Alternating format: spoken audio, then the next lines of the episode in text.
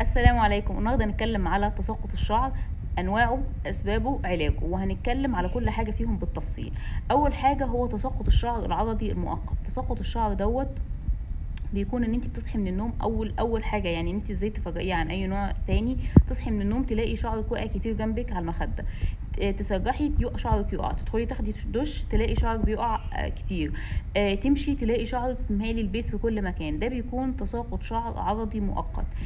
أسبابه إيه؟ بيكون رد فعل من الجسم على حالتك النفسية نقص الحديد نقص آه، مخزون الحديد على مشكلة أو كسل في الغدة الدرقيه على نقص فيتامين دي بيكون سببه نقص الزنك نقص فيتامين بي 12 آه بيكون بسبب الفرد البروتين الكرياتين العك الكتير اللي إحنا بنقعد نعمله في شعرنا على أساس إن إحنا متخيلين إن إحنا كده هنبقى شعرنا حلو.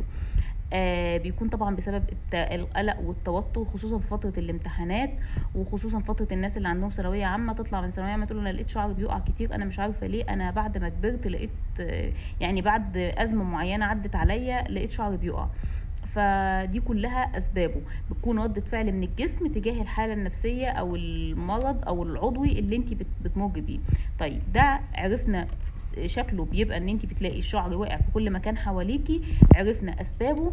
طيب نعالجه إزاي؟ أول حاجة بنعمل التحاليل اللي الدكتور بيقول لنا عليها اللي هي إيه التحاليل؟ عشان انت حتى لو انت رايحة للدكتور تبقى عاملة التحاليل ومجهزاه بنعمل صورة دم كاملة اللي هي اسمها CBC ومخزون الحديد اللي هو اسمه الفيرتين آه، وبنعمل فيتامين دي وبنعمل. بنعمل فيتامين دي وبنعمل تحليل الغدة الدرقيه وبنعمل تحليل للزنك هحط لكم التحاليل دي بالتفصيل في آخر الفيديو عشان تقدروا ترجعوا لها حتى تاخدوها screenshot لو أنتوا عايزين تعملوها. طيب لقينا في مشكلة.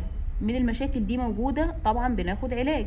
لقينا نقص في فيتامين دي بناخد فيتامين دي. مشكلة في الحديد بناخد حديد. كسل في الغدة الدرقية بنعالجها. ايا كان هي إيه. تمام؟ طيب بنعمل إيه تاني؟ بنستخدم معاه آه كبسولات أو تابلت آه مكمل غذائي زي البرفكتيل زي البيورين إن زي البنتوجار ايا كان. الكبسولات ديت ما بتعملش خالص زيادة في شعر الجسم إلا لو أنت كان عندك قابلية لحاجة زي كده. غير كده ما بتعملش زيادة في شعر الجسم.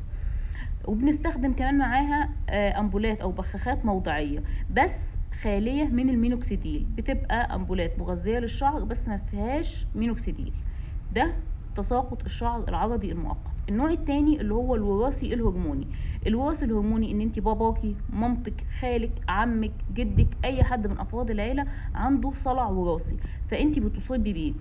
طيب ممكن باباكي ومامتك واخواتك كلهم ما عندهمش صلع وانت اللي يجي فيكي آه عادي ديت صفة متنحية ممكن تصيبك. سببها إيه؟ سببها زيادة هرمون التستوستيرون اللي هو ال DHT بيزيد في الجسم وبالتالي بيتلف حوالين الشعراية فيخنقها يوقعها. بتقدري تفرقي بينه وبين النوع الأولاني إزاي؟ ان انت ما بتلاقيش شعر واقع في الأرض خالص. انت مرة واحدة بتلاقي شعرك خف بتلاقي في فراغات. لو فرقتي راسك من النص هتلاقي في فراغات الحتت ديت فيها يعني بيبقى التساقط هنا. الصلع ال- ال- الوراثي الهرموني بيبقى التساقط هنا. زي الناس اللي بتلاقي شعرهم من الحتت دي كثيف وبتلاقي هنا في صلع. أو الجنبين دول. سواء كنت بنت أو ولد بت... الشعر بيزحف لورا بتلاقي المنطقة ديت خفيفة لو إحنا فرقنا الراس من النص. طيب ده علاجه إيه؟ ده علاجه ألف باء المينوكسيديل. وطول العمر ما بنوقفوش. المينوكسيديل بنفضل ماشيين عليه بناخد علبة المينوكسيديل كده نحطه في في في الحمام جنب فرشة السنان. وإحنا بنغسل اسناننا بالليل بنبخ البختين بتوع المينوكسيديل وهنفضل ماشيين عليه طول العمر. المينوكسيديل بيعمل إيه؟ بي بي بيزود الدم اللي موجود في اللي واصل لل- للشعر وبالتالي بيوسع المسام. يعني بعد ما التستوستيرون خنقها لا هو الدم بي بي بي بيوسع وبالتالي بيعمل تدفق عالي وبيزود نسبة الشعرية اللي موجود طيب هل المينوكسيديل هيزود لما أنا أرش على راسي هيزود الشعر في جسمي؟ آه هيزود الشعر في جسمك. علشان كده إحنا بنقول تركيز الاتنين ونص للسيدات وتركيز الخمسة في المية للرجالة. علشان ما يحصلش أي side effect إن انت المينوكسيديل لما يزيد يحصل شعر زيادة في الجسم. هنبقى محتاجين ناخد فيتامين آه هنحتاج ناخد فيتامين زي ما أنا قلت زي البيرفكتيل والبيورين إن الفيتامينات العادية بتاعة الشعر. أنا هحط في آخر الفيديو صور لل... للبخاخات وصور لل... لل... لأنواع ال vitamins اللي موجودة حاليا في السوق لعلاج تساقط الشعر. طيب هل في نوع تالت يا دكتوره آه في نوع بيجمع بين الاثنين اللي هو تكيس المبايض. الناس اللي البنات اللي عندها تكيس في المبيض تكيس المبيض دوت بيكون سببه زيادة هرمون التستوستيرون في الجسم وتكيس المبيض ده يعتبر آه، حالة مؤقتة وبتعدي. فبيبقى علاجه إيه؟ بيبقى علاجه إن إحنا بناخد علاج لتكيس المبيض وفي نفس الوقت آه هو جامع بين الاثنين يعني بيبقى طبعا بتلاقي اللي عندها تك- تكيس في المبيض الوزن بيزيد الحبوب بتطلع الشعر بيزيد في الجسم كله.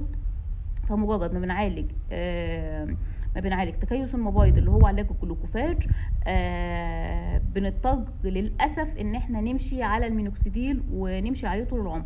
في ناس بتقول لأ إن تكيس المبيض ما بيحتاجش إن انت تاخدي مينوكسيديل آه، بتاخدي إن انت بتعالجيه والموضوع بيتحل بس في ناس التكيس عندها بيروح وبيرجع تاني.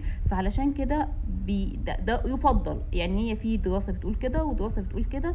ايهما أقرب وايهم أصح آه يعني أنا ما أعرفش بس يعني اللي أنا عارفاه على حسب دراستي إن آه تكيس المبيض انت لازم تفضلي ماشية على الموكسيديل على المينوكسيديل طول العمر مع مع ال vitamins اللي بتتاخد لعلاج التساقط بس كده. هحط لكم بقى الصور ال vitamins واحط لكم صور الاسبريهات bye bye.